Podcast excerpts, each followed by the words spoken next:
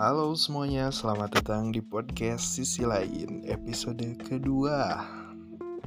Setelah sekian lama ya, saya tidak upload Akhirnya saya bisa tag juga nih, udah sebulan mungkin ya. Karena ada satu dan lain hal yang membuat saya akhirnya sibuk mengerjakan hal yang lebih penting. Dan akhirnya dan akhirnya saya balik lagi nih dalam kondisi PPKM di Jawa Barat aduh. Ngeri nih semua orang pada sakit ya. Di lingkungan saya pun semuanya pada sakit. Termasuk kakak saya sendiri nih aduh repot. Rumah sakit juga pada penuh. Jadi ya untuk teman-teman semua yang mendengarkan podcast ini semoga diberikan kesehatan ya. Atau yang sedang sakit mungkin semoga dipulihkan kembali. Jadi untuk yang lain kalau misalnya tidak perlu perlu amat gitu keluar rumah mending diam aja di rumah. Minum vitamin jangan lupa karena itu membantu banget ya. Dan apalagi ya, ya mungkin pola makannya dijaga olahraganya di rumah aja tidak apa-apa. Pakai masker juga kalau misalkan pengen keluar pengen ke warung mungkin ya warung sih deket kak. Ya udah sih pakai masker aja nggak apa-apa gitu kan ya pokoknya jaga jaga kesehatan lah semuanya ya. Kita mulai nih.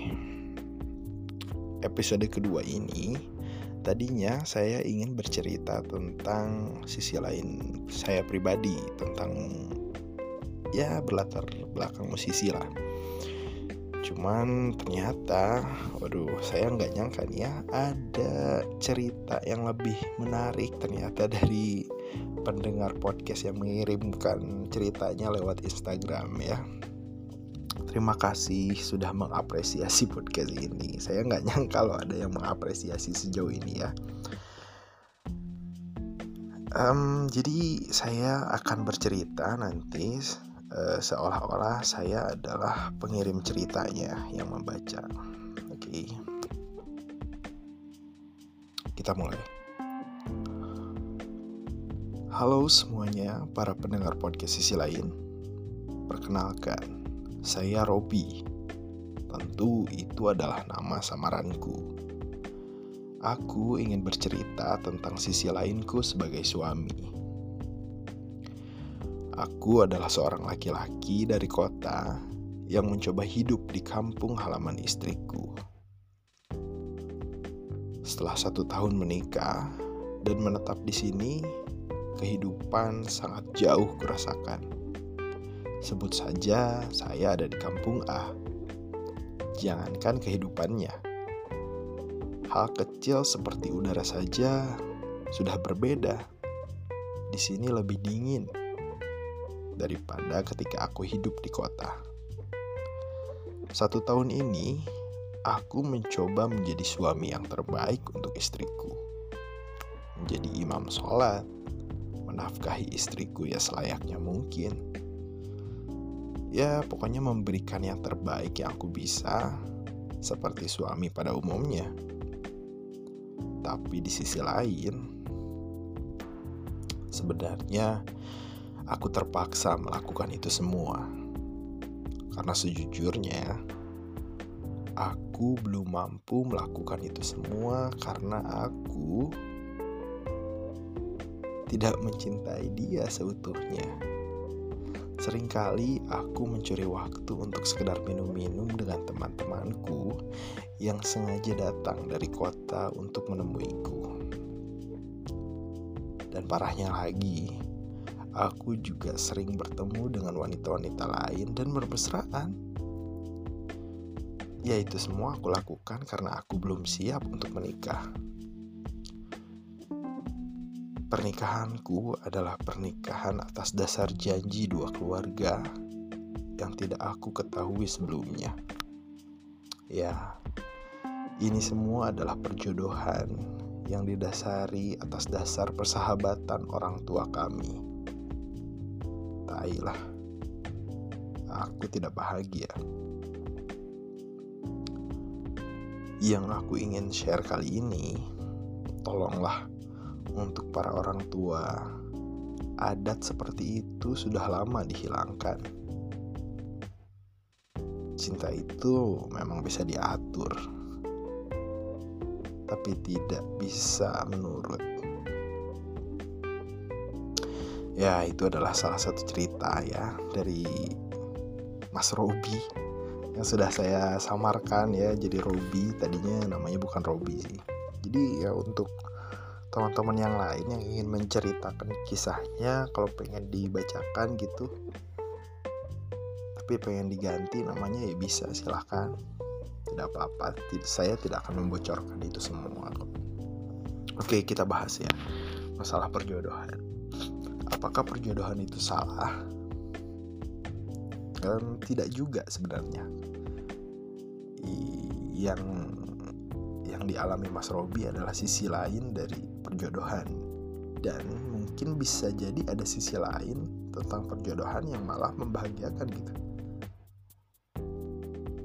Kalau saya boleh menyarankan tentang perjodohan ini yang pertama sebelum ini semua terjadi, kita harus jujur sama diri kita sendiri. Apakah kita akan ambil itu dan mendapatkan risikonya, atau kita menolaknya? Gimana cara menolaknya? Ya, jujur sama orang tua bahwasanya tidak mau untuk dijodohkan, karena orang tua juga pasti ngerti lah apa keinginan kita gitu. Tidak akan memaksakan kehendaknya sekeras mungkin gitu. Semua bisa diobrolkan dengan cara baik-baik. Dan menurut saya itu akan efektif sih. Atau mungkin dengan cara kedua cara keduanya adalah kalau misalnya punya tambatan hati sendiri ya bawa ke orang tua bawa ke keluarga gitu. Kenalkan ini loh calon saya gitu. Dan banggakan dia dan yakinkan orang tua dan keluarga bahwasanya tidak perlu dijodohkan pun saya akan bahagia gitu dan kalian pun akan merasakan kebahagiaannya gitu.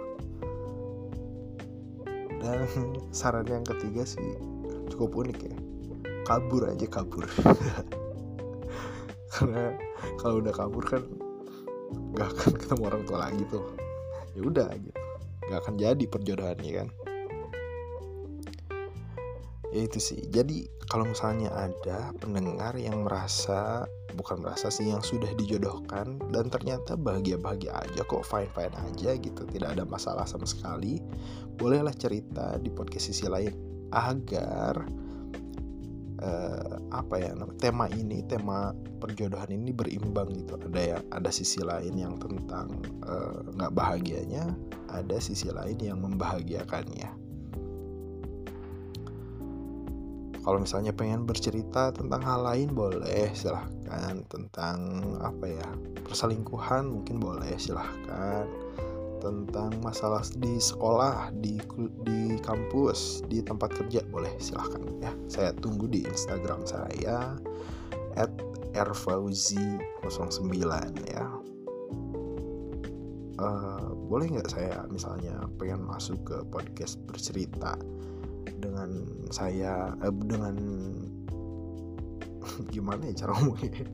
Maksudnya eh, berdua gitu bikin podcast ya silahkan. Kalau pengen ceritanya aja saya bawain boleh silahkan. Ya terserah itu bebas.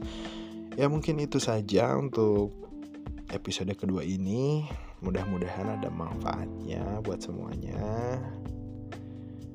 Uh, terima kasih sudah mendengarkan podcast sisi lain. Sampai jumpa di episode ketiga.